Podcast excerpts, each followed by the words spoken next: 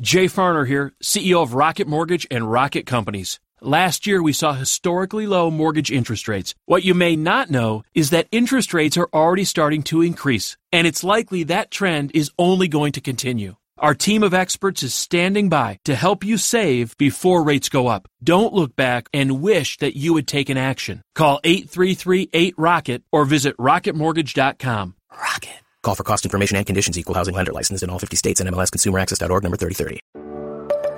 This is what matters most, and I'm Matt Popovits. Look, life is crazier than ever, and lots of people, maybe even you, are feeling anxious and overwhelmed. Today's message is designed to help you figure out what's most important and to experience the peace and joy that God intends for you. Because life is a gift, and it shouldn't be wasted on worry. I'd like to give you a resource, something to help you navigate the road ahead. Just go to mattpopovits.com, click on the icon, and we'll send it to you. That's Matt, P-O-P-O-V-I-T-S dot com. And hey, if you happen to live in the Houston area, I'd love to see you on a Sunday morning at St. Mark in Spring Branch. Head to stmarkhouston.org to plan your visit. Here's today's message. Thanks for listening. So today we're continuing our Advent series called Do You See What I See? We've been looking at some of our favorite holiday habits and Christmas traditions, things like putting up a tree and sending Christmas cards and stocking stuffers, and drawing a line from those things we love to do all the way back to the true meaning of the season, to the birth of Jesus Christ. And it's been fun so far. And I say so far because today I'm nervous. I'm nervous because today we're going to talk about something, or rather, someone that, that people are really passionate about. You're either really passionate for this person or you're really passionately against this person. There are some who, from the moment their child is born, they tell that child about this person. And from the moment that child is born, they take this child to annual pilgrimages to sit on this person's lap and to open up their heart and pour out their wishes to this person. They even invite this person on an annual basis to break into their homes and bring them presents. And then there are some people who think that this person is the worst thing that's ever happened to Jesus' birth, they think, since King Herod. They think that this person, if you celebrate this person, if you mention this person, means that you've not only missed the point of the season, the reason for the holiday, but you have made little eight pound, five ounce baby Jesus cry. and all the angels in the sky pull out their golden hair.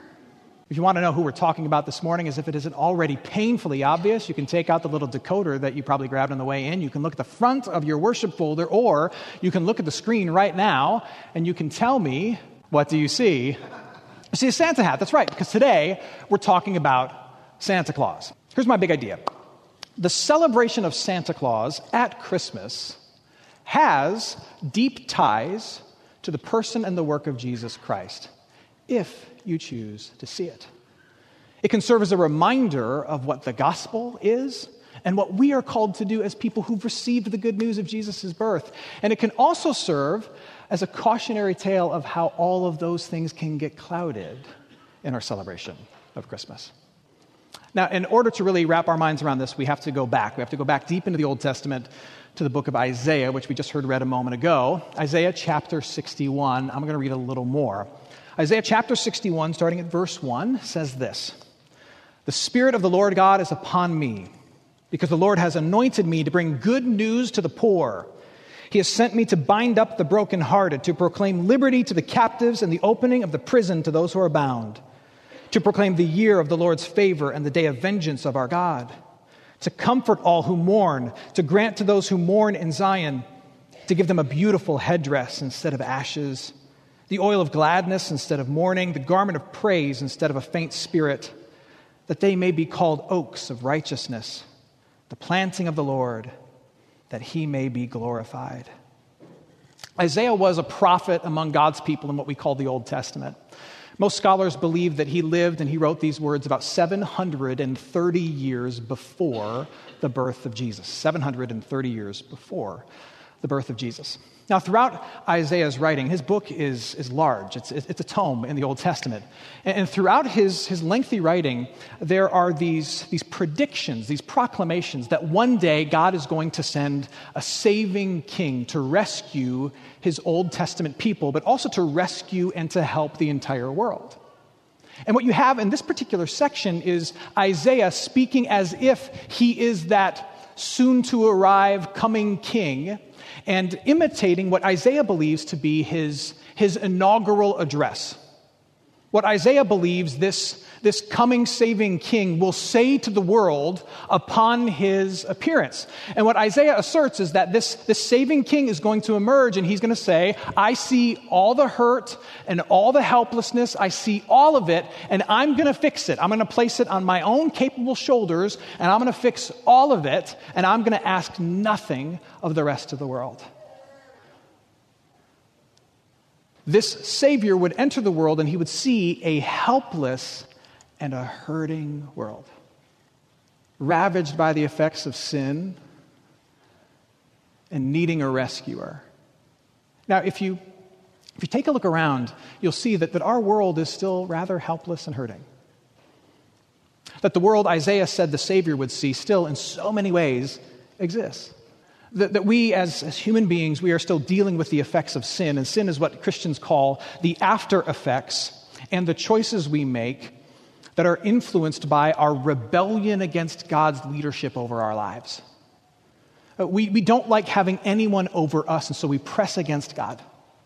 And there is a fallout in two directions as a result of that. Uh, sin ruins our lives in two ways it ruins our lives this way, up towards God, and this way, out towards others.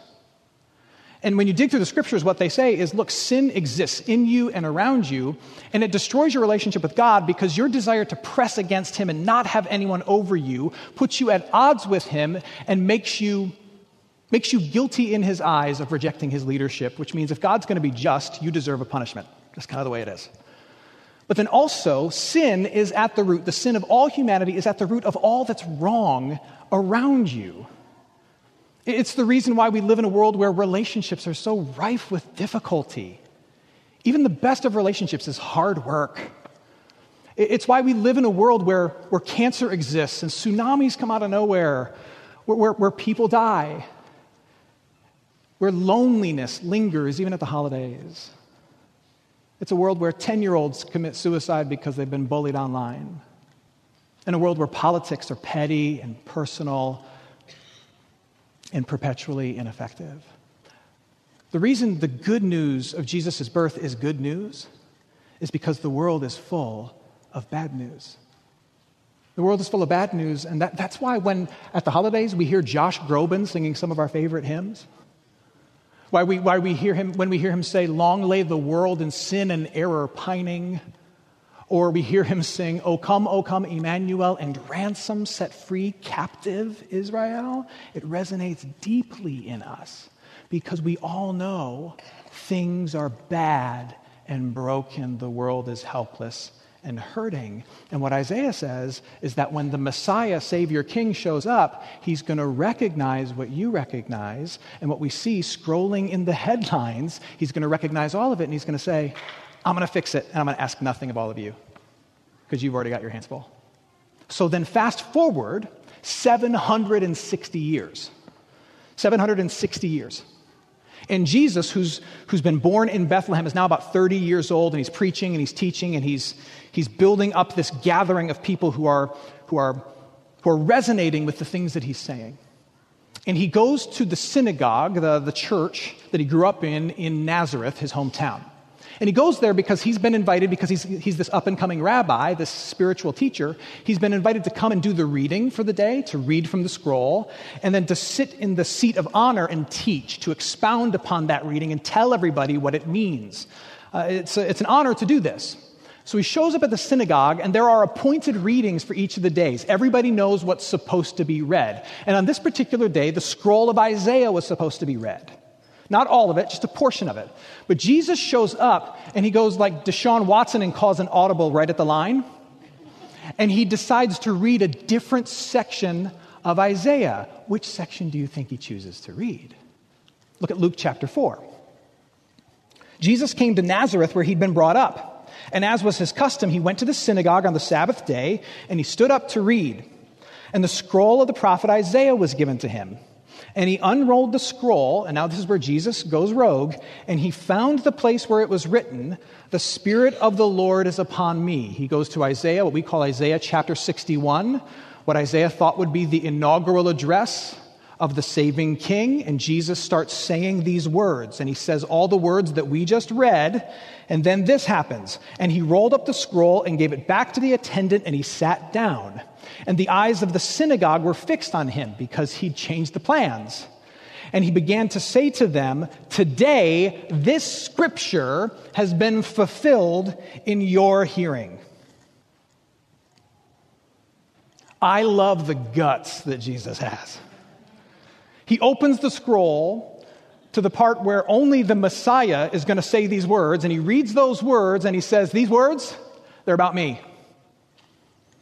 All the problems that the Messiah is supposed to see, I see all of them. The, the Messiah is supposed to take it upon his shoulders and fix it. I am going to fix it, and I'm going to ask nothing of you. I see all the helplessness and all the hurt, and I'm going to fix it. I'm going to do it all on my own, and I'm going to ask nothing of you. It's all me. And the people sitting there have their eyes fixed on him and their jaws on the floor as Jesus essentially gets up, and in modern day parlance, he grabs the microphone. He's like, It's me, and he drops it. And people are stunned. But then what, what Christians today believe is that Jesus kept his promise he made in the synagogue on that day. That, that he proved himself to be the Messiah, the saving king. He would live this life that was in perfect obedience to the Father that replaces my life and your life of rebellion against the Father. And he, he then willingly is, is beaten and brutalized and murdered on this cross in order to pay the price for all the evil that's ever been done. And then he promises that through simple dependence upon him, not by being good enough, but by confessing that you're bad and broken and in need of him, he then takes everything that he's done and he credits it to your account. And he promises that you're then filled with the Holy Spirit and free. You are free from the effects of sin and death. You still deal with it, but it doesn't have to own you because now God's Spirit that has anointed Jesus is now in you and it's changing you and empowering you each and every day to choose to be a different person. And then he says, One day I'm coming back, because right now he's ascended and sits at the right hand of the Father, like we just confessed in the Apostles' Creed. He says, I'm coming back, and all the residual garbage that you still see in this world that's still wreaking havoc in your body and in your family and on the news, I'm going to come back and stomp out all of that so that there will really and truly be joy to the world. That's his promise. I hope you're enjoying today's message. For more of what matters most, you can head to mattpopovits.com. There you'll find other messages. You can support this ministry as well as access your free gift. Oh, and if you're looking for a local church and you live in Houston, come and see what's happening at St. Mark Houston. To plan your visit, head to stmarkhouston.org. Thanks for listening, and back to today's message. And then, once you and I receive that promise, he invites us to join him in making known the fact that he's the Messiah and the Savior to the world. He invites us to join him and helping people see that their biggest problem has been solved, their relationship with the Father, is full of forgiveness. And to notice the needs of people, and out of our riches, to meet their needs. He invites us to do for our neighbors what He has done for us, and to join Him in the work of making His message and His mercy known. That's what much of the New Testament is dedicated to, by the way, teaching us how to do that. In particular, the book of James. James, by the way, was Jesus' earthly brother, in case you didn't know that. This is what James writes. And James was a very straightforward and direct person. He wanted to rattle people's cages when he wrote. And this is what he writes in chapter 2.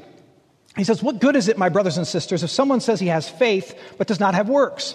Can that faith save him? If a brother or sister is poorly clothed and lacking in daily food, and one of you says to them, Go in peace, be warmed and filled, without giving them the things needed for the body? What good is that? So, also, faith by itself, if it does not have works, is dead. James says, Look, you have saving faith in Jesus Christ. And you now know that you have a call upon your life to join Jesus in his work of announcing that there's freedom and forgiveness, of noticing people's needs, and out of your blessing, meeting people's tangible everyday needs. That is what you've been put on this planet and saved by its maker to do. Now, here's where Santa Claus comes in. What we see in Santa Claus, if you choose to see it, is an example of what the Christian life is supposed to be all about. Now, when I say Santa Claus, a bunch of different images come to mind.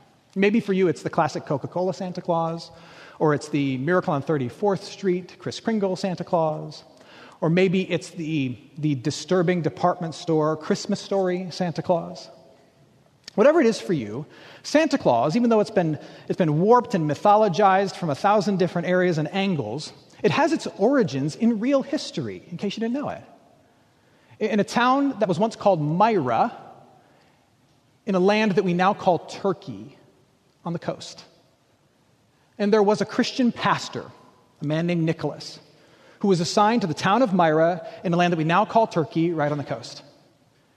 And this pastor, who would eventually become the youngest bishop or pastor and overseer of other pastors, this, this pastor named Nicholas, he, he would become known for taking whatever he had and using it to bless other people who, who didn't have much, in particular, children. One of the most famous stories that's told is that uh, Nicholas, Pastor Nicholas, uh, he was out and about in town and he overheard a father talking to a friend about how he didn't have enough money to, to give a dowry or um, a bride price for each of his daughters. He had three daughters, and he was expected to, to give dollars and cattle and goods to the groom's family, and this was part of securing uh, a healthy and happy and functional groom for his daughters, just the way the world worked back then. He didn't have enough money to do this. And so Nicholas heard this and he, he took of his own gold and his own treasures and he anonymously dropped that into this man's house so that he could have a dowry for his daughters. And that, that legacy of generosity, it, it, it struck the people of Myra and they talked about it. Now, Myra was a port city, a port town, which means there were, there were merchants and sailors coming in and out all the time. And they heard these stories. And so these stories about generous Pastor Nicholas, who eventually started to be called Saint Nicholas, they spread around the known world. And so people were telling the story about this Saint Nicholas who loves to bless the poor and the needy and especially the young. You might know this. Uh, Santa Claus is derived from the Dutch, which is, means Sinterklaas, which is simply Dutch for Saint Nicholas. Sinter, Saint, Claus, Nick Claus, Santa Claus. But it all goes back to Pastor Nicholas, generous to the poor and to the young out of his own blessings. But, but at the genesis of it, at the heart of St. Nicholas, what you have is a follower of Jesus who is so moved by the fact that his sins are forgiven and so captivated by the fact that Jesus, out of his own generosity and sacrifice, gave to Nicholas that which he didn't deserve but desperately needed, that he is then moved to dedicate his whole life to doing the same. And that's your calling as well. And that's my calling. To realize that God has given us what we truly need but don't deserve and then to dedicate our lives to telling people that you can get what you truly need but don't deserve. And then noticing people's needs where they are being ravaged by the, by the effects of a really, really broken world. And saying, I notice that need of a broken world, that need of a broken world, and, and here's my blessing. I'm going to help meet that need, at least for a moment. What he was doing is what we're all supposed to do, flowing from what we've all received in Jesus Christ. So, so the question for us is this Is your celebration of Christmas in step with the message of Jesus and the model of St. Nicholas? Where it is about gifts given that are not deserved. That's the message of Jesus. And it is about leveraging what you have and the joy you've been given to share that with others and meet real needs in a broken world. That's the model of St. Nicholas. Is that what it's about? Now, part of the reason this is important is because it's very easy for us in our celebration of Christmas for it to be taken off track and go away from the gospel and into a season that's all about the law. And, and what I mean by that is that it becomes this kind of selfish and moralistic game that we play. Our celebration of Christmas becomes about us making sure that we who are already blessed have a really blessed time at Christmas. And if we have any space to bless anybody else, then we will, but we probably won't, so we don't. Or we give gifts to others outside of our sphere of influence and our, and our immediate family, but we give them perhaps not out of a spirit of generosity, but more out of a spirit of obligation. I want them to think I'm a good person, so in order for them to think I'm a good person, the kind of person who thinks about them, I'm going to think about them and give a gift to them. Or we use gifts as a way to try and strong arm some obedience out of our grandchildren or our kids. Hey, look, you need to be good or else Christmas is canceled. All those gifts, they're going back. Or look, look, listen to me. And this is really easy for those of us who have small kids and we do the Santa thing. We do the Santa thing in my house. It's really easy for us to be like, hey, Santa is watching you. He has tapped into our Alexa and our Ring doorbell, and he's watching absolutely everything, and he's appointed creatures to sit on our shelves and report back to him everything that happens. And if you are bad, you get nothing.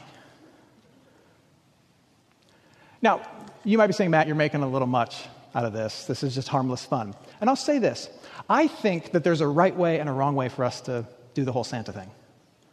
There's a way for us to do the Santa thing in a way that, um, that recognizes the gospel and is in step with the message of Jesus. And there's a way for us to talk about Santa that is contrary to the gospel and out of step with the message of Jesus and the model of, say, St. Nick. And, I don't think it's a minor thing. I think we can set our kids up for some theological confusion in the future. When we spend their young lives telling them that there's an, an old man with a long beard out there somewhere watching everything that you do, and if you're good, he will reward you. If you're not, he won't. So be good for goodness sake. And then around about 12 or so, if it's a little late in life for them, we say, uh, just kidding. It was all about Jesus all the time, and he works the opposite way. What? And then we wonder when they come to me when they're 23 years old and they've had a couple philosophy classes in undergrad. and they wonder if the other bearded guy in the sky who's watching them, if he works the same way as Santa Claus always did. Or they just say, you know, maybe that's not quite what I was always told either. I think there's a way to do this that's in step with Jesus. So, so in our house, we do, the whole, we do the whole Santa Claus thing. We talk about Santa Claus as a real person, St. Nick, who's still alive and well, uh, giving gifts today. But here's why St. Nick gives gifts. He gives gifts because he was given a gift by Jesus, and he wants you to have the gift of Jesus too. He was blessed by Jesus. He wants you to be blessed too. Here's why he gives gifts because Jesus is the best gift. And he wants you to get gifts that remind you of Jesus. You didn't get this because you're good. no. Mm-mm. You get this because you're loved. And there's a difference. I don't love you because you're good. I'm good because I love you even though you're bad. That's how this works. That's how this works. Here's the question I want you to wrestle with Does your celebration of Christmas, whether it's St. Nick or not for you, does your celebration of Christmas, whether it's Santa Claus or all the other things you do, is it in step with the message of Jesus and the model of St. Nick? Is it soaked in the gospel that this is not about you doing for those who've already done well by you, or you blessing the ones who's already blessed yourselves, but you giving to those who need, and you giving in a spirit of generosity, out of love, not out of people who deserve? Are you noticing the needs of others and inviting them to come and hear about hope on Christmas Eve, or noticing their tangible need and going on less for yourself so that they can have more? Are you noticing the needs of a broken world and sacrificing out of what you have to meet them in what they don't have? Is that happening at all in your family, at all in your celebration? If it is wonderful, you are in the great tradition of St. Nick. If not, there's still time. We got three days left. Do you give gifts because people are good or because you want them to think they're good? Or is it pure grace? Look, if your kids are really bad, you're still going to make sure they have presents. You are. Which is only going to prove that it's always been about undeserved blessing anyway. So just make it clear from the get go that that's what it's about. May your celebration of Christmas be in step with the message of Jesus. It's all free, it's all mercy. And the model of the real St. Nick. I see needs and I meet them because that's what God and Jesus Christ has done for me. Let's pray. Hey, it's Matt. I hope you enjoyed what matters most. Here's what I need you to know. Life is a gift and it shouldn't be wasted on worry. I want to help you figure out what's most important and to experience the peace and joy that God intends for you. So, for more content, you can head to mattpopovits.com. That's Matt, P O P O V I T S.com. There, you can also support this ministry as well as access your free resource, a little something to help you navigate the road ahead. I'd also love to see you on a Sunday morning. If you're in the Houston area, head to stmarkhouston.org to plan your visit. In the meantime, hit me up on Instagram at mpopovits or at facebook.com slash Matt Popovits Ministries. Thanks for listening. Now go and hold tight to what matters most.